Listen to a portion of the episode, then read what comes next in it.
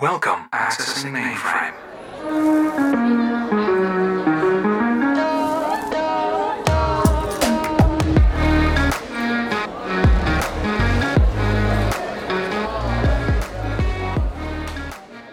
Loading. Go on. If you're atheist I am. and you don't believe in an afterlife, I don't. if you don't believe in heaven and hell and all that, Mm. why don't you just go around raping and murdering as much as you want? I do. What? I do go around raping and murdering as much as I want, which is not at all. If death is just the end, what's the point? What's the point in what? Living. Might as well just kill yourself. So if you're watching a movie and you're really enjoying it, Yeah. and someone points out that this will end eventually, do you just go, oh, forget it then? What's the point? And just turn it off? No, because I can watch it again. Well, I think life is precious because you can't watch it again. Hej alle sammen, og velkommen tilbage til Future Loading. I dag sidder jeg med Elias, Jasmin, Alfa, Anna M. og mig, Julia. Og Alfa er selvfølgelig lige en gæst. Kan du forklare det? Alfa, det er min veninde for min klasse, min HF. Ja, jeg hedder Alfa, Anders veninde. Tak fordi jeg måtte være her. selvfølgelig. I dag skal vi tale om afterlife, eller efterlivet, som det hedder på dansk. Altså, hvad sker der egentlig efter døden?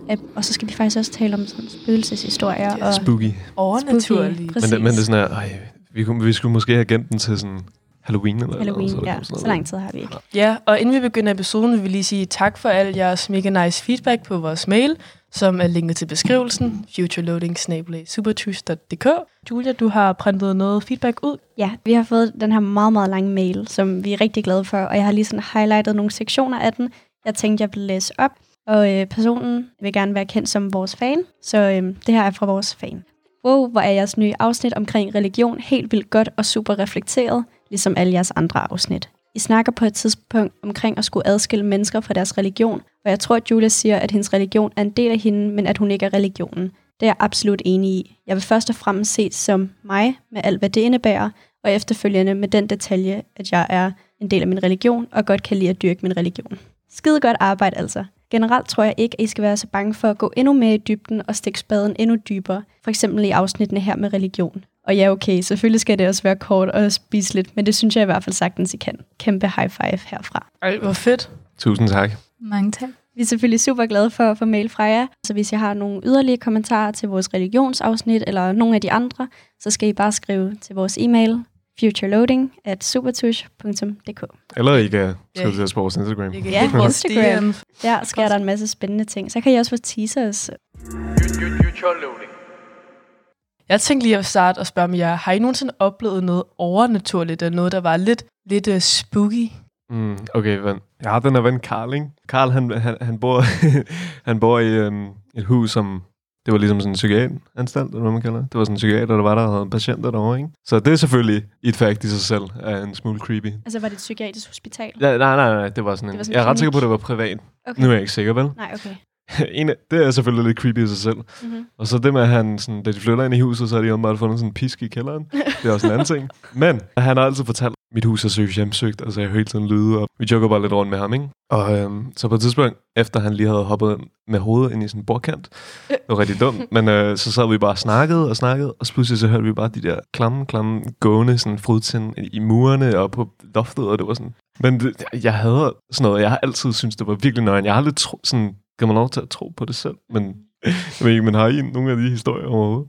Jeg har faktisk også noget med fodtrin. Sådan hjemme hos mig. Mine forældre, de er sådan lidt goth. De havde en mannequin sådan stående i øh, stuen på et tidspunkt. Jeg sov i, tit i køjeseng ved siden af min, ved min lille søster. Og det var før, vi havde katte. Og så tit så hørte jeg også bare de der fodtrin gå. Det var hver aften, at jeg hørte fodtrin. Og, sådan, og det er også en gammel bygning, men altså stadig det. Føj. Men det med, der er noget, der er eventuelt overnaturligt. Altså, nu tror jeg også meget på sådan overnaturlige ting, og det synes jeg også, der skal være plads til. For ligesom det der er fede, at man ikke ved, hvad der skal ske, eller ved, hvad der kommer til at ske i livet, og Mhm. efter døden. Og det synes jeg helt sikkert, det er noget af det mest altså, fede spørgsmålstegns ved lidelsen. Hvorfor lever man? Hvad sker der efter man har levet? Og jeg synes virkelig, det er nice, man kan sidde og filosofere og, og gætte sig frem, men øhm, man ved det jo egentlig ikke. Jeg føler aldrig, at jeg hører, at når man spørger sådan folk, sådan, hvad, hvad, hvad tror du egentlig, der sker, efter man dør? Jeg hører aldrig nogen sige, jeg tror, vi bliver til spøgelser. Og det tror jeg. ja, men det, det, jeg hører bare ikke folk sige det sådan generelt. Men det tror du? Hvorfor tror Ja. du det? Jeg tror sådan, vores ånder eller sjæle, eller hvad man nu skal kalde det, søger sådan lidt rundt og holder lidt øje med de efterladte, og sådan, Mhm. mm-hmm. Nå, hvordan går det så med Joe Biden, og får han lavet noget godt, eller... Joe Biden? Nå. eller Ikke din familie eller noget, bare men Nej, Joe hvad, Biden. hvad laver Elias i dag? Altså, Ja, ja. Man ligesom spukke lidt rundt, og så kan man så blive det genfødt, når man ligesom er klar til at leve videre i et nyt liv. Det er sådan lidt den tanke, jeg har, man ligesom selv vælger lidt. Den faktisk. tanke kan jeg godt lide. Mm. Den kan jeg faktisk virkelig godt lide. Ja, så begynder at tro på det. Men øh, jeg tror ikke på det. det giver ikke mening i mit hoved. Så, Men det er også det, der er fedt, at det ikke giver mening. ja, Jeg vil altså gerne lige inkludere en historie, som ja. vi har fået af en af vores følgere på Instagram. Fordi jeg lagde et post ud og sagde, har I oplevet noget overnaturligt, spøgelsesagtigt, så skriv til os. Og så er der en pige, der har skrevet til os. Min mor vågnede op midt om natten og følte, at der var en mand, der kiggede ned på hende. Jeg har det værelse, som min mor havde, da hun oplevede det, og har flere gange følt, at der er nogen, der står og kigger på mig, når jeg ligger og skal sove. Jeg har set en skikkelse, da jeg var lille, og råbt af den, og da min mor kom ind og spurgte, hvem det var, sagde jeg, at det var en mand. Ej, det er fandme spooky. Oh my god. Ja. Hvordan har I det med, med Føj. det? Føj, er det ikke alles mareridt? Altså, At der står en mand i. Og ved du hvad, det her, Altså- sådan nogle der historier har der været, hvor, at- hvor det så faktisk har været rigtige mænd, Ja. som... som Har stalket. Ja. Ja, ja. ej, for Og kigget ind i vinduer og sådan noget. Den helt klassiske, der ligger ind under min seng. Hvad, Jasmin, har du nogensinde oplevet et eller andet, der var lidt uforklarligt, eller ja, overnaturligt? Jo, altså der var en gang, hvor at jeg var i sommerhus, altså øhm, vores hjem i Tunesien, og så åbnede jeg skabet, og så var der seriøst den klammeste dukke, som jeg bare aldrig har set Ej, før. Jeg har ikke haft sådan en dukke, og den manglede et øje, og der var sådan et hul. Var det så klamt? Ej, det var sådan en gammel, de der vintage-dukker. ja. Og jeg havde ingen anelse, hvor den kom fra. Den lå bare der, og jeg er sådan, what? Du kom, mand. Det er seriøst. Men jeg føler, at alle mennesker, lige meget man spørger, har en eller anden historie, der "Men det var lille creepy, eller kan vide, Mm. hvorfor det egentlig skete, og det var da et sjovt tilfælde, hvor det sådan, der er bare ikke nogen forklaring på det, så for mig er det sådan, så må der jo være et eller andet uforklarligt i vores univers. Det er jo Mhm. det der med, at der er... Eller man kan tro på, at der er mere mellem himmel og jord. Det tror jeg helt sikkert på, og så tror jeg andre på, at der er mere mellem himmel og jord. Jeg kan godt lide tanken om det, men det er ikke noget, der giver mening i mit hoved. Så, Det er altså... Nej. så du tror, når man dør, så er man bare begravet død og ned i jorden, og så er der bare ikke nogen Elias mere. Ja, altså det eneste, der giver mening i mit hoved, er, at det bare er ligesom at sove. Det kommer Men- også an på, at man tror på, at kroppen og sjælen er sådan to adskillige lemmer. Det virker lidt som om, at Anna, du tror på, at sjælen er noget adskilligt, og det virker mere som om, at Elias, du Mm. tror på noget, der er i kroppen eller sådan. Ja, jeg tror, man ligger og er død og sover måske i rigtig lang tid. Men jeg tror ikke, at varer for evigt. Der var, der var noget, min lærer sagde til mig, at han, han troede, altså, at vi bare lå, men altså, vores krop blev begravet, men at han ligesom havde en eller anden spark i sig, som man ikke ville kunne forvente, ikke ville leve videre. Er der sådan beviser på, at man godt kan komme ud af sin krop med sin sjæl? Altså, hvad er en sjæl egentlig overhovedet, kan man Ja. lidt sige, ikke? Altså, Det er jo, jeg tror, det er meget personligt, hvad en sjæl er. At man ser, fordi at jeg vil ikke sige, at min sjæl, det bare er min krop. Ja, der var lidt et godt eksempel, som jeg hørte. Det var Jim Carrey, der sagde det, jeg er ret sikker på. Folk synes, han havde fået et sindssygt anfald og alt muligt, men Mm. han forklarede, at han, han så på sig selv som, hvis han sagde min krop, så er det min, og så er der krop. Altså som om kroppen er ligesom den her lille maskine, du styrer, og så er der min, Som er, ja. som ligesom er dig. Det er ligesom den film med Sjæl, Soul. Så, Har du set den? nej, Den er vildt god. øh, jeg har Ja, har du set den? Den er Det er jo, okay, uden at afsløre alt for meget, så er det en mand, der dør, og så er hans sjæl ligesom fanget imellem livet og døden, kan man vel godt kalde det. Og lød nøjeren. Ja, den er meget Men- god faktisk. Men hvad hedder det? Nu ved jeg ikke med jer, men Mm. vi havde jo den her religionsepisode sidste gang. mm. Er jeres tro på, hvad der ligesom sker efter døden, baseret på jeres religion? Altså, jeg synes, det er et ret nøjeren spørgsmål, ikke helt det her med sådan, hvad sker der efter døden? Også fordi der er, det ved man jo faktisk godt, for der er mange tusind mennesker, der allerede har været døde før i sådan to minutter gangen eller et eller andet. Så hvis man alle sammen bare lyttede til deres forklaring, så har man faktisk et Men klart de har jo svar. oplevet noget forskelligt alle sammen. Mange Ja. af dem har oplevet det samme, Så og man kan Ja. vel ikke sige en konkret Men det med, at de ting. har oplevet man det kan samme. komme tættere på, altså på svaret. Men jeg tror, at det med, at man ikke har lyst til at tro på det, for man hellere selv vil opleve det til den tid. Og så også fordi, hvis man har ja, en religion, man tror på, om det her, det sker, der, det er det, jeg tror på, vælger at tro på, så danne sin egen forståelse til døden. På den Men jeg måde. tror også, det er mere, at der er jo mange, der siger, de ser det her hvide lys. Jamen, det er en kemisk reaktion i hjernen, der sker, når du dør. Det Åh, kan det er da for kedeligt bare at kalde det for en kemisk reaktion. Det ved jeg godt, altså. men der skal ligesom være noget definite proof nogle gange. Især når det kommer til sådan noget stort som døden. Jo. Altså jeg tror, nu vil jeg ikke tale på vegne af dig, Jasmin, men for os begge to gælder det vel lidt, at vi ligesom tror på, at der er et liv efter døden. Mm. Vi er jo også begge to religiøse, Yes. og det er ligesom der, det kommer fra, det her med, at man lever videre, efter man dør. Ja. Mm. Øhm, det ved jeg ikke, om du kan komme sådan lidt ind på. Og... Ja, det, det er basically bare det, du siger, at man dør. Og jeg tror selvfølgelig på, at sjæl og krop er sådan to adskillige lemmer, så din krop er begravet, men din sjæl vil sådan ja, komme videre til afterlife. I, øh, I min religion, der tror man på, at der er et stadie mellem død og efterlivet, Mm. øh, hvor man er ikke befinder sig i graven, og så bliver man stillet nogle spørgsmål, sådan nogle religiøse spørgsmål. Det er sådan lidt det, der er grundlag for, hvor man kommer videre. Mm. Så de laver sådan en quiz til dig, når du, øh, når du er. Hvis du ikke kan svare på det, så går du i helvede. Hvad er det for noget? Nej, altså det er en meget lavpraktisk måde at sige det på. Altså selvfølgelig det er lidt svært at forklare det, men altså det er den mest basale måde, jeg kan Det er forklare jo det, ligesom, på. What? Skærsildenagtigt. helvede? Nej. Hele det her med sådan at, at føle, at man har levet før, ikke? det kommer til at lyde virkelig crazy, det her, så bær lige over med mig. Øhm, jeg har altid haft her fornemmelse, siden jeg sådan er blevet født og begynder at kunne sådan at den hukommelse, eller den sind og intelligent. Jeg har altid haft her fornemmelse, jeg, jeg har været før. Ligesom jeg har altid følt, at jeg døde et biluheld i sådan mit tidligere liv, og det er sådan en underlig fornemmelse, man bare har. Men det er bare sådan en, jeg har ligesom, jeg var yngre, været ret bange for sådan en bil, for at tænke, okay, nu dør jeg, for jeg har prøvet det før. Og det var virkelig freaky på en eller anden måde, fordi det har jeg jo ikke, i hvert fald ikke i min nuværende krop. Så hele der, okay, har jeg levet før, og hvis ikke, hvordan ved jeg så, at jeg bare døde biluheld? Fornemmelse, så har I nogensinde prøvet det der før? Altså meget spirituelle overvejelser, meget sådan fritgående, og lyder lidt, lidt, lyder lidt tosset, ikke? Men hele der med sådan, at have en fornemmelse af, sådan her levede jeg mit liv, før jeg kan huske. Altså sådan lidt déjà vu-agtigt. Ja, på en, det er, det kan man nok godt kalde det, Ja. ja. Men det er vel Men sådan næsten lidt buddhistisk. Jeg er ikke religiøs på nogen måde, så der er, altså, nu er jeg ikke med i religionsafsnittet, vel? Jeg er bare meget spirituel. Jeg synes, det er vildt spændende. Altså, religion er virkelig, virkelig spændende også. Lige for at få et input der. Jo, det der med at leve videre i en ny krop, og altså bare det der efter døden, tror jeg, hvis I tror på det, at det liv, man har levet, kommer til at have indflydelse på ens altså efterliv. Enten når man lever videre i en ny krop, eller kommer i himlen, eller helvede, eller hvad man tror på. Tror jeg, hvis man har levet et godt liv og været god mod andre, at det ligesom kommer til at have Ja, betydning for ens næste liv, eller bliver det ligesom i buddhisme, hvor man bliver til en sten, hvis man har været et dårligt menneske. Altså sådan, tror jeg, det hænger sammen på den måde? Altså, jeg tror helt sikkert, der er en sammenhæng over, at det kan bære frugt, hvis man behandler sine medmennesker, som du gerne selv vil behandle, som det helt gode gamle livsråd for mor og far, altså behandle de næste, ikke, som du gerne selv vil blive behandlet. Og jeg kan ikke forestille mig, at det ikke skulle bære frugt, fordi nederen mennesker, der er nederen for andre, de fortjener jo ikke at få det ekstra. Og det er måske også en forkert måde at formulere det på. Fordi alle fortjener en ny chance, også selvom de har behandlet andre nederen. Men jeg kan ikke forestille mig, at det ikke skulle bære frugt at være sød med andre, for det gør det jo 99 ud af 100 altid. Altså det gør det jo næsten altid. Øhm, og bare behandle andre godt. Så jeg tror helt sikkert, det er en fordel at være et, være et godt menneske. Og et godt menneske, det er ikke ens betydning med, at man altså får 12 i dansk eller et eller andet. Vel? Sådan, Bare et altså, godt og sødt menneske, bare behandler andre rigtig godt. Mm, men det er jo det, altså... Det er jo svært at forklare, hvad godt og ondt er, ikke? Ja, det er selvfølgelig rigtigt. Fordi at, altså... For eksempel at folk, der begår terror, ikke? De har jo vokset op med at få en ting at vide hele deres liv.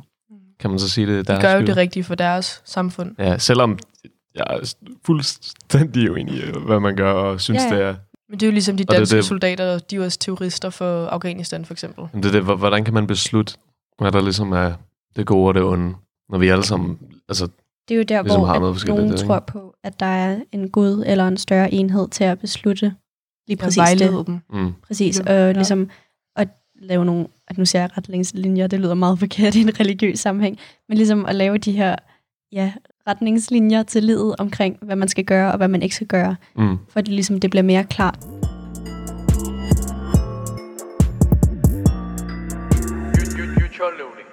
De ting, I tror, der skal efter døden, er det sådan baseret på, det I gerne vil have, der skal ske, eller det, I synes giver me- mest mening -agtigt? Det jeg gerne vil have, det skal se selvfølgelig. Ja. Ja, altså, hvad der skal efter døden, det skal ikke give mening i mit hoved. Jeg vil ikke have, det skal give mening. Jeg vil ikke have et svar lige nu. Lige nu vil jeg bare gå og nyde og kunne gå og filosofere og tænke, kan jeg vide, hvad der egentlig sker? Og så måske glæde mig en smule. Ikke at glæde mig til at dø, jo. Øhm, ikke fordi man glæder sig, men hele det her glædes til at finde ud af, hvad der sker. For nogle mennesker siger sådan noget mest fredfyldt, man nogensinde kommer til at opleve. Det med at give slip. Men hele altså, det bliver en spændende oplevelse, uden at sige, uden at lyde mega forkert. Altså, det bliver en spændende oplevelse, uanset hvad. Og det synes jeg, det er fedt af grunde, altså i stedet for at skræmme sig ved tanken og gå og være rædselsagen, så hellere se på det som noget spændende og sige, det sker for os alle en dag. Og så bare lad os håbe, det sker på det rigtige tidspunkt i den rigtige alder. Det er sjovt, det er jo okay at sige, når man er gammel, nu vil jeg gerne dø. Mm.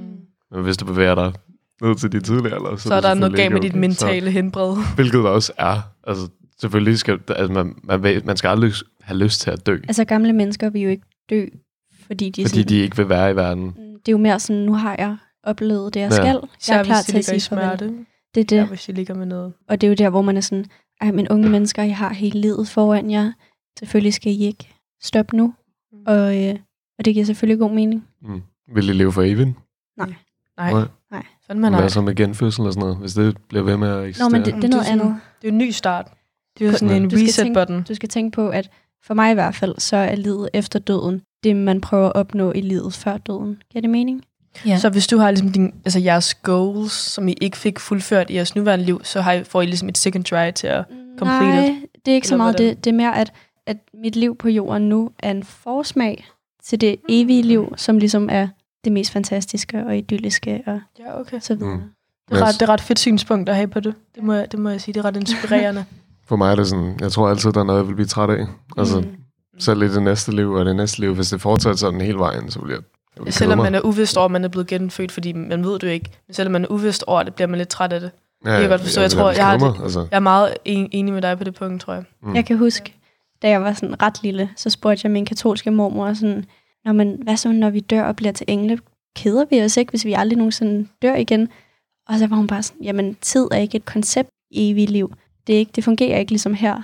Tid er abstrakt. Nej, men det det var ligesom, og det, kan, og det er sådan vildt, at det stadig er blevet hos mig, for jeg var sådan noget fem år gammel. Det er virkelig poetisk og smukt sagt. Ja, at det evige liv er ikke et liv, som vi kender det, og det er ikke tidsbestemt, og det er ikke i den krops kødkrop, som vi ligesom er i nu. Det er Ja. det der mere sjæl. Sådan ikke tids... Altså, som om at man ikke opfatter tid, når Sådan en ud Jamen, jamen kroppen. tid, tid er altså, ikke en... tid, ja, tid er jo noget, vi har fundet på, kan man sige. Spændende. Kan man. Er der en, uh, de her sleep paralysis stories, ikke? Jo. Dem vil jeg gerne høre fra jer, hvis jeg har haft nogen. Skal jeg lige øh, starte med, jeg har nemlig Wikipediaet Mhm. søvnparalyse. Åh, oh, spændende. Kan du ikke lige først give en klar definition Jo, af det kan jeg søvnparalyse? Øhm, der står, søvnparalyse, også kaldt søvnlammelse, er en tilstand, nogle mennesker oplever, hvor man sover og er vågen på samme tid. Man er således vågen, altså i hovedet, men kroppen er lammet. Tilstanden forekommer, når man er ved at falde i søvn, eller ved at vågne op. Mm. Altså, Ja. man er, du er i søvn kører jo i de der bølger der, ikke? Mm. Så når du er heroppe, så sover du ikke så meget, så er du mere vågen, end du sover faktisk. Ja. Så skal du ned, og så er du en dyb Der er den der rem rem søvn. ikke? søvn, præcis. Det er der, Rapid du drømmer. Ja. og du ligesom er i din tungeste. Det, det, det hedder jo det der rapid eye movement, det er, hvor man kan se sådan, at øjnene bevæger Øjnene sig, som bevæger om man sig. kigger sig sådan der, under ens Ja. øjne, ikke? Altså, nu personligt, så har jeg, er jeg virkelig præget søvnparalyse. Ja. Og jeg får det sådan cirka hver dag, eller hver anden dag. Ja. Øhm, jeg har været til lægen med det, fordi det forstyrrede mig så meget. Men øhm, altså det, der egentlig sker for mig i hvert fald, det er, at jeg vågner, og nogle gange vågner jeg, som i mine øjne er åbne, og jeg kan se rundt. Og nogle gange vågner jeg bare med mine øjne stadig lukket. Man kan ligesom mærke, at jeg er vågen. Men så er der jo bare det, at du ikke kan bevæge din krop. Mm-hmm. Og øh, så, så prøver jeg ligesom at bevæge en lillefinger, eller en tog, eller sådan et eller andet. Så jeg samler ligesom, det, nu bliver det lidt sådan spiritual, men jeg samler ligesom al min energi ned til min lillefinger, og Mm. prøver at få Ja, den fordi til at rykke ikke sig. bevæge sig. Men det der sker, er, at du bliver meget hurtigt forpustet, eller du begynder meget hurtigt at hyperventilere. Så jeg trækker vejret i sådan firkanter, fordi det har jeg fået at vide, man skal gøre. Altså træk vejret ind, hold det, træk vejret ud, hold det, træk vejret ind. Og så kan jeg ligesom komme ned i stille og roligt igen, for jeg er bange for, at jeg besvimer, mens jeg sover, fordi jeg, jeg begynder at trække vejret så voldsomt. Mm-hmm. Men det er ligesom den måde, jeg får det til at... Er det fordi, at der er noget sådan hyggeligt? Altså jeg ved med mange, ved det, så er det ligesom, at man kan se sig selv i tredje person, Mm. og der ligesom kommer et eller andet tættere og tættere og tættere på, ikke? Jo, altså det jeg har oplevet, det er, at jeg har ligget i min seng, og så har jeg fået søvnparalyse og vågnet halvt, og så har jeg ligesom set nogen på mit værelse. Eller jeg har hørt lyde, eller altså alt muligt. Og så bliver, og det, det er det mest uhyggelige i hele verden. Du skal forestille dig, at der står en mand på dit værelse og vil gøre onde ting, og mm. du ligger bare i din seng vågen, men ude af stand til at bevæge dig. Så er det lidt svært lige at overskue og trække vejret stille og roligt, fordi man er så bange. Men det er harmløst i sig selv, men det er godt nok uhyggeligt. Julia, fordi nu har jeg ikke prøvet det her, øh, hvad, hvad hedder det nu, søvn, Søvnparalyse. søvnparalyse Ja. før. Er det sådan, at du er bevidst om, at okay, søvnparalyse? Ja, eller- fuldstændig. Så jeg vågner, og så er jeg sådan, oh shit, søvnparalyse. Oh my altså God. sådan, Altså dit hoved er helt vågen. Det er din Ja. krop, du ikke kan bevæge. præcis. Og så, Okay. så, så tit så sidder jeg, nogle gange var det et par sekunder, nogle gange var det et par minutter, så sidder jeg nogle gange sådan og tænker lidt over, når, hvad skal jeg egentlig gøre, når jeg vågner? Og, altså sådan, man er ved fuld bevidsthed, men Ja. ja. man kan ikke bevæge sig. Sådan Altså- er det i hvert fald for mig. Ja. Altså det uhyggeligste, det er nok der, hvor når man har lukket øjnene, og man virkelig, virkelig prøver at åbne øjnene. Ja. Fordi at jeg har også altså sådan prøvet en del søvnparalyser. hvor at jeg er vågen, men jeg sådan drømmer stadig, og jeg sådan Mm. prøver at komme ud, niver mig selv, kan mærke alt, men sådan, jeg kan bare ikke komme ud. Sådan vågner jeg, og så er der bare helt sort, ved aldrig, hvad jeg skal gøre. Nu kan jeg så lige tage din idé. Det kan godt ske for mig, hvis jeg har været virkelig, virkelig sådan stresset Ja. i perioder, hvor det så kommer det bare, eller vågner jeg op i totalt koldsved, og altså fuldt ud sådan spæder. Præcis, ja. Prøv at. Altså et andet advice, hvis I, hvis I sover sammen med nogen. Fordi det jeg gør det, altså min kæreste ved godt, at det her sker for mig. Og så kan jeg ligesom, hvis jeg får samlet nok energi, sidde og prikke til ham med mine fingre. Og så ved han ligesom, at han skal være opmærksom på, hvis desperat lille Julia sidder sådan her med sine lille fingerprikker, så vækker han mig. Ja. Og det er ret vildt at blive vækket fra søvnparalys, for det har jeg ikke prøvet før. Nej. Det er sådan, wow. Fordi, Det- der- fordi man, man der er lyde. vågen, Altså, men det er så sådan- vågner ens krop pludselig, så man sådan, wow. Han har været så anstrengende, der pludselig det bare, wow. Ja, altså som I kan høre, så er det her noget, der rammer forholdsvis mange mennesker, det her søvnparalys, og vi vil gerne høre jeres historier, hvis I har oplevet noget, eller set noget crazy, imens I har haft søvnparalys. Så øh, derfor er I meget velkommen til at skrive til os med jeres historier, enten på vores Instagram, Future Loading Podcast, eller på vores mail, futureloading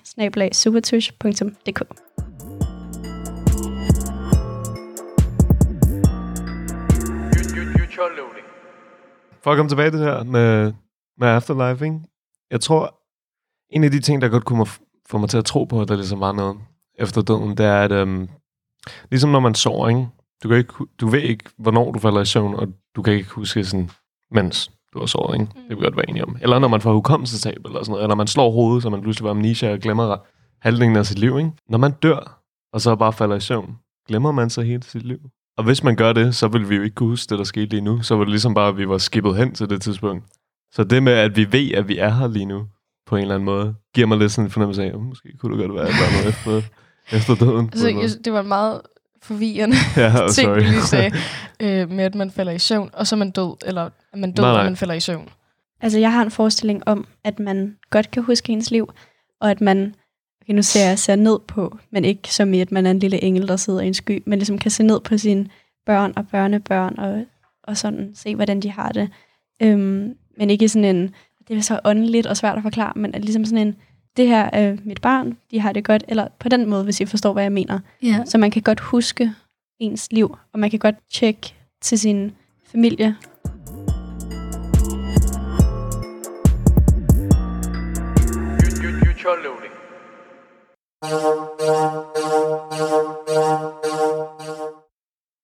Jasmin, må jeg gerne spørge dig om død? Yes. Okay, fedt. Jasmin, synes du, at dig og dine venner og din familie, at det der med at tale om døden ligesom er sådan lidt tabubelagt, og sådan noget, der er lidt skræmmende og for uhyggeligt, til man tør, eller er det noget, I godt sådan kan tale om?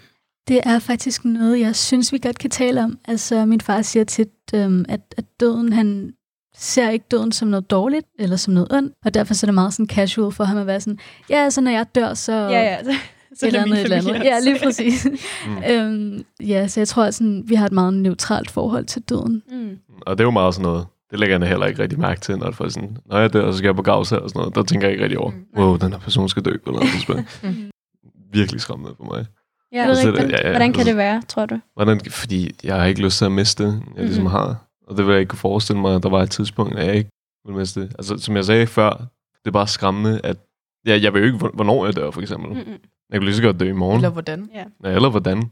Det, jeg tror mere, det er frygten om, at jeg ikke når at leve til mit fulde potentiale. Ikke? Ej, må jeg gerne spørge dig om noget? Jeg har faktisk aldrig mødt en, der har sagt, Ja. de er bange for døden. Elias, vil du helst finde ud af, hvornår du døde, eller finde ud af, hvordan du døde?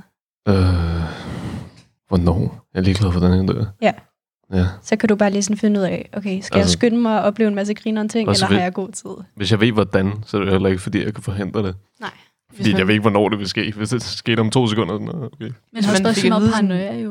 Man Hvis fik at vide, der- det er jo en bilulykke, som bare præcis. undgå alle biler. Ja, ja, nu, ja. Ja, altså. det er ren paranoia. Altså, jeg vil hellere vide, hvornår, så... Du bliver forgiftet Eller af jeg en ven. Jeg vil, jeg, vil, jeg vil ikke vide noget af det, men altså sådan, hvis det skulle stå Hvis det skulle være, så skulle du vælge, hvornår. Ja, Ja, 100%. Ja, det kan jeg godt forstå. jer? Jeg vil også vælge, hvornår. Ja. Same. Ja. Øh, Det ved jeg ikke, om jeg vil. Så bare gå og countdown den. og I morgen krasser jeg af. Altså sådan, jeg må lige opleve min sidste liv. Altså, Det bliver sådan lidt tornerose-agtigt, hvis du ved, hvordan. fordi at, ja, så har jeg ikke sådan en countdown. Det er nok det med at gå, ja, have en countdown, der er sådan weird. Jamen, sådan, jamen, ligesom det- det... om 10 dage er min fødselsdag. Så om 10 dage, så dør hvad, jeg. hvad hvis du får sådan en rigtig væg, og sådan, en, Jamen, ven, jamen, man kan jo sige, en ven vil slå dig ihjel. så du ved ikke, så vil jeg da bare af dine venner, der vil gøre det, ikke? nok holde lidt ekstra øje med mine venner. Ja, Lige keep an eye. det tror jeg vil når jeg være sover. mere. Men uh, Jasmine, det du sagde med, at altså, det ikke var så tabubelagt hjemme hos jer, ikke? Det lyder mega fedt, for jeg føler ofte, at man siger, at det er ikke tabubelagt, og vi skal nok snakke om det, hvis du har lyst til at snakke om det, men man har ikke lyst til at snakke om det, for man kan mærke, at man bliver ked af det, Ja. hvis man spørger ind til det, fordi døden er jo et sørgeligt emne, Ja. selvom det er noget. På en eller anden måde er det jo smukt, altså på en eller anden måde, som de har levet deres liv, og nu er de klar til at forlade det. Men det er jo også ekstremt sørgeligt. Mm. Så hele det at spørge ind til sådan, havde du en øh, søster, der døde, eller havde du en, øh, hvad skete der egentlig med ham, eller øh, hvis der er en person, der dør tidligere end forventet i jeres bekendtskab, er det så også bare noget, I snakker frit om, eller kan? Nej, altså på, man kan sige, på den måde, så bliver det lidt mere sensitivt. Altså jeg ved ikke, jeg tror stadig, at jeg meget naturligt øh, ser døden som et lidt sensitivt emne, men det er ikke fordi, at jeg sådan frygter at bringe det op, sådan at jeg kan godt dø, men altså, det er jo klart, at man sådan, det er jo en sensitiv ting generelt, og det er sådan lidt en, en, en samfundsmæssig norm, som man retter sig efter, hvis det giver mening. Helt sikkert. Og realiteten er jo også, at det er jo dem, der er efterladt tilbage, der ligesom er dem, der bliver... Ja, dem, der står med det, ikke? ikke? Mm. Ikke, ikke dem, der dør. De ved jo ikke, hvad fanden der Right. sker. Jeg føler ofte, at jeg kan sige noget, for jeg har et meget afslappet forhold til døden, føler jeg. Så nogle kan jeg sige et eller andet sådan, til mine for- forældre. Den dag, jeg krasser af, så... Og så er de sådan, Krasser øh. Anna, det håber vi da ikke, der sker snart. Eller sådan, det, altså, det håber jeg selvfølgelig heller ikke, der sker snart. Det skal jeg ikke misforstå mig i, men sådan, jeg tror bare, jeg har et for afslappet forhold sådan der. Men man kan jo også sige, at død er en naturlig ting, Ja. lige indtil det indtræffer Meget for, tæt. for hurtigt, Ja. eller på et tidspunkt, hvor man ikke var sådan, der er det ikke naturligt, der gør det Mm. ondt, der er det tragisk. Og faktisk, jeg tror heller ikke, at jo, jeg er måske lidt bange for min egen død, men jeg er meget mere bange for andres. Mm. Præcis. 100 procent. Altså, jeg vil for alt i verden hellere, at jeg levede mit eget liv, når vi er sten tæt på mig. Ja. Og jeg Altså- vil sige, altså nu har jeg været til to begravelser. Og den ene var med en meget gammel person, et familiemedlem, hvor det ligesom, altså det var selvfølgelig sørgeligt, men det var også bare meget fredeligt. Og så har jeg været til en anden en, også et familiemedlem, som, hvor det var alt for tidligt. Og det var helt forfærdeligt. Altså ja. livet sagt. Det var, det var bare ubehageligt på alle måder, fordi at alle vidste i den kirke, det er ikke sådan her, det burde være. Det er ligesom selvmordsbegravelser. Altså, det er virkelig noget, fordi det er desværre oftest unge mennesker, ja, altså igen alt for tidlige mennesker, der ikke fortjener, eller ikke fordi nogen fortjener at dø, men ligesom, de har ikke oplevet det, de skal opleve endnu. Det er jo noget af det mest forfærdelige. Nu har jeg selv været til en del begravelse efterhånden, og men selvom man så kommer ind i kirken og ikke kender nogen, det er jo bare virkelig sådan, man kommer i sådan en bedrøvet stemning, selvom man ikke kender den, der er så død. Det er virkelig, virkelig speciel følelse at være til en begravelse. Man bliver virkelig sådan... Også fordi den der, der så er efter, der er ofte sådan middag efter, eller sådan til at kaffebord Mm. efter begravelsen, der er underlig god stemning, hvis det er en gammel person, Ja, ja. selvfølgelig. Så det er jo sådan, Der sidder man og snakker og minder sig om ja. og synger nogle højskolesange, og sidder sådan lidt, og kan du huske dengang, at øh, onkel Nils sagde det her, eller et eller andet, ikke? Hvis det er en, meget, hvis det er en person, der var for ung til at, til at forlade livet. Så det er meget, meget sørgeligt. Og selvfølgelig er det det, det skal det også blive ved med at være. Men det, det er virkelig nye højder af, af sørgelighed, man oplever. Mm.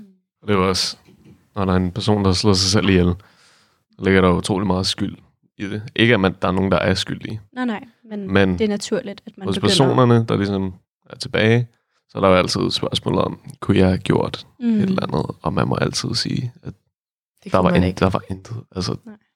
jeg Nej. kan ikke ændre på mine past øh, actions, eller hvad man nu, som kalder, hvad man nu kan kalde det, ikke? Ja. Altså, min, øh, min mors moster, som hun er meget tæt med, ikke? De havde en datter, der dræbte sig selv, da hun var 18, hvilket det var selvfølgelig helt forfærdeligt, hun var 18 år. Ingen ved, hvorfor hun gjorde det, for hun virkede jo udadtil som meget sådan, altså sød, sød pige, ikke? og hun havde det godt og grinte, og altså virkelig jeg er meget, meget glad. Nu kendte jeg hende ikke, for jeg var, jeg var ikke født der. Jeg er næsten for at sige det lykkelige pige, ikke? Så det med, det kan komme så uventet, og altså, nu ved jeg, min mors, øhm, jeg kalder dem bare for selv moster og onkel, fordi det kalder hun dem, ikke? Øh, som min moster og onkel, at de går og tænker hver dag, hvad har vi gjort galt? Og det var bare virkelig ærgerligt, at de så sad tilbage. På den anden måde, det er ikke fordi, det er egoistisk at begå selvmord, men det er det på en eller anden måde, i den grad med, at man så alle de efterladte sidder og tænker, hvad har jeg gjort for, at det her det skulle ske? Du tager ikke dit eget liv kun. Det er ikke kun dit liv, du tager. Lige Det præcis. er alle andre omkring en, der også bliver påvirket af det. Det er ikke, jo, det er dit liv, men det er ikke, du er ikke den eneste, der har dit liv i fokus. Og, Jeg ved ikke, uh, kender I Jordan Peterson? Nej. Altså, han er, han er fra Canada, ikke? Og han er psykolog og lærer, og han har meget styr på sådan personlige og sociale forhold på en eller anden måde. Det er i hvert fald det, han specialiserer sig indenfor, mm. apparently. Men øhm, han fik det her spørgsmål stillet sig så. Jeg ved ikke, om det var en livestream eller en YouTube-kanal, eller, eller, hvad, eller om det var som lærer. Det kan faktisk også godt være. Men øhm, Han havde en personlig historie om, at han havde haft en tæt på, som havde dræbt sig selv, desværre. Og øhm, selve moren, til, det var en datter, ikke? så moren til, til datteren havde så gået rundt og sagt til sig selv, at hvor skyldig hun følte sig, og hvor at der ligesom blev spurgt til hende, hvad med din mand? Føler du også, at han er skyldig overfor det? Nej, overhovedet ikke. Mm. Selvfølgelig ikke. Altså, Ja. Det ligger altid hos en selv, at man selv ikke, man vil aldrig, man vil aldrig putte det pres på andre, vel? Det ligger jo bare til konklusionen, at der var ikke noget, der kunne gøres. Altså, jeg føler meget i forhold til det der egoistisk der med at begå selvmord, hvilket at når man går selvmord, så er det ens sidste håb. Det er jo det, er jo det sidste, man gør for at få fred. Øh, for de tanker og følelser og det, der er inde i den person, hvilket man ikke kan sætte sig ind i. Så jeg synes faktisk, altså jeg synes selvfølgelig, jeg ved, jeg ved faktisk ikke, om jeg synes, det er egoistisk gjort. Man aldrig kan sætte sig ind i den persons tanker, og man kan lige så godt bare være sådan, ej, bare få noget hjælp, men hvis man ikke har et håb, så kan man ikke sige til en anden person, eller sige til den døde, at det er egoistisk, fordi så er man bare selv egoistisk og har ondt af sig selv, hvis, øh, hvis I ved, hvad jeg mener. Ja, ja. Altså, fordi jeg selvfølgelig, jeg vil jo ikke have, at mine venner begår selvmord, og så bliver jeg selv meget ked af det, fordi man gerne vil have en forklaring. Og altså, hvis det skete, så ville jeg jo nok også være sådan, ej, hvordan kunne du efterlade mig her? Men alligevel tror jeg bare i forhold til de tanker, og sådan, man, man kan aldrig sætte sig ind i en anden person. Altså, vi kan tænke helt forskelligt, og vi kan se helt forskelligt, så alle de tanker, og det er bare, altså, Ja, altså jeg synes også, det er lidt forkert af sådan guilt trip, folk der måske går rundt med sådan suicidal, med selvmordstanker, øhm, at man ligesom siger til dem, Nå, men tænk på din familie, fordi det er bare ikke en korrekt måde at håndtere situationen på. De skal have reelt psykologisk hjælp, de skal have omsorg og støtte, de skal ikke guilt trippes til at tro, at Nå, men det er forkert, at du overhovedet tænker på at efterlade din familie. Det må du ikke gøre, det går ud over andre. Ja, det er forkert. Ligesom du sagde, Alfa, det var sådan, vi vil jo aldrig nogensinde, altså vi kan jo sige så mange ord, og tro, vi er så tætte med folk, men vi vil aldrig nogensinde kunne komme ind i folks hoveder og høre, hvad de tænker. Øhm, Og det er super hyggeligt. Jeg har faktisk lidt nøjeren experience inde på det her, og jeg prøver virkelig sådan et trigger warning, hvis der er nogen, der, sådan, der kan blive øh, stødt eller blive ja, triggered af, af det her, så endelig bare lige sådan spol et minut frem eller sådan noget. Ikke? Det var for t- to, to-tre år siden, hvor mig og mine øh, to kammerater vi var gå en tur om aftenen kl. 11 i min, i min hjemby. Og så møder vi sådan en af pigen, der havde hængt sig selv. Øhm, og vi løber også selvfølgelig derhen for ligesom at hjælpe hende og siger, ja, du, jeg ja, ren refleks. Og det viser sig så, at hun lige har hængt sig selv, så vi kan nå at få hende ned. Og så jeg udøvede noget hjertemassage, og så vågner hun så vågner op, altså mirakuløst, hun var skidefuld, og jeg ved ikke, jeg tror ikke, man påvirker andet i hvert fald i en helt anden, helt anden verden øh, mentalt. Og det var virkelig syret at komme så tæt på sådan en, altså tæt på en person, der var så tæt på at aflede livet, og så snakke med hende bagefter, mens man ventede på, at hospitalfolkene kom. Og der får man også sådan en dårlig samvittighed, fik jeg i hvert fald. Og tænkte, hun havde jo lyst til at dø, og det stansede jeg hende i at gøre, fordi vi netop fik altså, reddet hendes liv. Så på den måde, så får man sådan en underlig samvittighed selv over at tænke sådan, hun ville gerne dø, men jeg forhindrede hende i det, fordi det var hendes sidste løsning på livet. Men nu ved jeg, at altså, nu går hun, at hun er blevet student og har sammen med sin kæreste, og, fordi hun, hun gik på en gymnasium med min søster. Så sådan, lige nu tror jeg, at hun er meget glad, og hun fik en masse hjælp, så Og for, altså, man kan godt få den hjælp et eller andet sted. Og det, jeg synes på ingen måde, man skal sige, det er egoistisk, alle dem, der render rundt med selvmordstanker, for det er en seriøs ting, der skal tages virkelig alvorligt. Men der er hjælp derude, og der er håb i den anden ende af tunnelen, eller der er lys i den anden ende af tunnelen. Og man skal ikke være generet med at søge hjælp, fordi hvis man har de tanker, så skal man have hjælp med det, og man kan godt få den hjælp et sted. Øhm, og det var overhovedet ikke, og nu siger jeg lige noget, men for mig, så, så skulle I jo aldrig ikke have gjort det, I gjorde. Det er jo helt menneskelig reaktion at hjælpe andre, der er i fare, enten livsfare eller en anden form for fare. Og I har ligesom givet en, en, en second chance, og det synes jeg bare er virkelig smukt. Jeg har lige øh, har nogle øh, rådgivning på livslinjen, så hvis man er i krise eller har selvmordstanker, så kan man kontakte Livslinjens telefonrådgivning på 70 201 201, og det er så alle dage fra 11 til 5.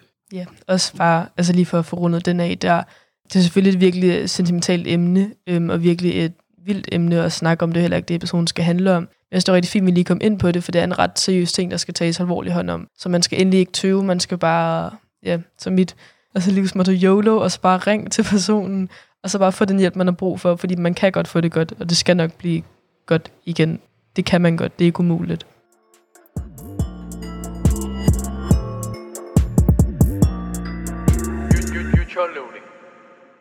Tusind tak, fordi I gad at lytte med i dag. Vi har kommet ind på noget sjove spøgelseshistorier og noget mere seriøst øh, livs, livsfilosofi, kan man kalde det det? Ja, Virkelig rollercoaster episode. Ja, det må man ja det må sige. man sige. Der er noget for enhver, kan man i hvert fald Ja. sige.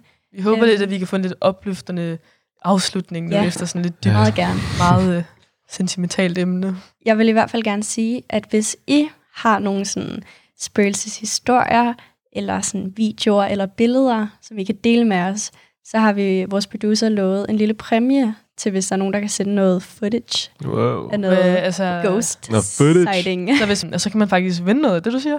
Det er faktisk det, jeg siger. Oh my Hold da god. op, det må man jo hellere gøre. Så Så Må, I- må vi vide, hvad man kan vinde? Hvis I ligger inde med noget ghost footage, hvorfor skulle I ikke sende det til os nu? Ja, det kunne være mega grineren for os at sidde og se det. Vi skal nok dele det på vores Instagram. Yes. Alt sammen. Så jeg ved godt, at den her episode måske var lidt sad Sad. på nogle punkter, så Vi håber, sørg for I- lige at lytte til noget eller andet, der gør dig glad, noget smadret musik eller noget god i Ellers verden. så synes jeg også lige, vi kan sådan der runde den af med en virkelig god joke. Jeg har ikke nej. Er der nogen Det er for meget pres, det er for der, meget nogen, nogen, pres. der har en virkelig god, altså, virkelig god joke i ærmet, Nå. lige for sådan opmuntre Nå. humøret? Jeg vil gerne no lige sige, way. hvis der er nogen, der lige har brug for, hvis de er lidt in their feelings, og har brug for at ringe til deres mor, eller kramme deres veninde, så husk lige at få gjort det. Ja. Fordi det er altså vigtigt nogle gange at huske at passe på sig selv. Det er okay at være lidt nedtrykt. Og som sagt, hvis I har nogle tanker i forhold til den her episode, eller nogle ting, I synes, vi sagde forkert, eller vi var, hvis vi var kommet rigtigt ind på, altså hvad som helst, så må I rigtig gerne sende det til os, fordi så tager vi det med, ligesom vi gjorde i den her episode, med vores religionsepisode. Og I kan sende det til os på vores Instagram, futureloading.podcast, eller på vores mail, futureloading Yes. Og vi vil høre det hele. Lige meget om det er godt dårligt. vi, vi, vil, vi vil sgu høre det hele. Altså, hvis du billeder din morgenmad, send det til os. Vi vil godt se det. Nå. Skal vi lave sådan noget fun fact? Jo, Fun, fa- Fun oh, fact, det må jeg ikke se Fun fact, det er det. Okay, jeg har et godt fun fact. Okay. Det, det hørte jeg fra min, uh, min ven, uh, min ven uh, Oscar her forleden. Han sagde, at... Jeg ved overhovedet ikke, jeg har slet ikke fact-checket det her, faktisk overhovedet. Han sagde, at bananer, ikke? De du ved, sådan mad kan godt få sådan en sygdom, og bla, bla, bla, ikke? Mm. Det. Så bananer, de gik igennem en eller anden sygdom på et tidspunkt, som fik dem til at smage anderledes. Så de bananer, vi smager nu, er sådan anderledes for den Jamen, smag det er faktisk rigtigt nok. Det Så, er faktisk rigtigt nok. er det rigtigt? Okay, Mm. fordi at, så sagde han til mig sådan, faktisk så skumbananer. Det er sådan, som bananer smagte engang. Og det øj, hvis bananer smagte som skumbananer lige nu, ikke? Det ville være... Hvorfor lave det om? Jeg har faktisk også en fun fact i forhold til bananer, fordi vi deler jo faktisk virkelig mange... Vi deler DNA, men Nå, bananer... ja, det er, Okay, Øh, det er stadig vi fact. Det kan godt være, der er nogen, der ikke tak for i dag. Det var, tak, team, for en god samtale. Det var nice. det var så godt. ja, super fedt. Så vi siger tak herfra fra Jasmine, Alfa, Anna, Julia og Elias.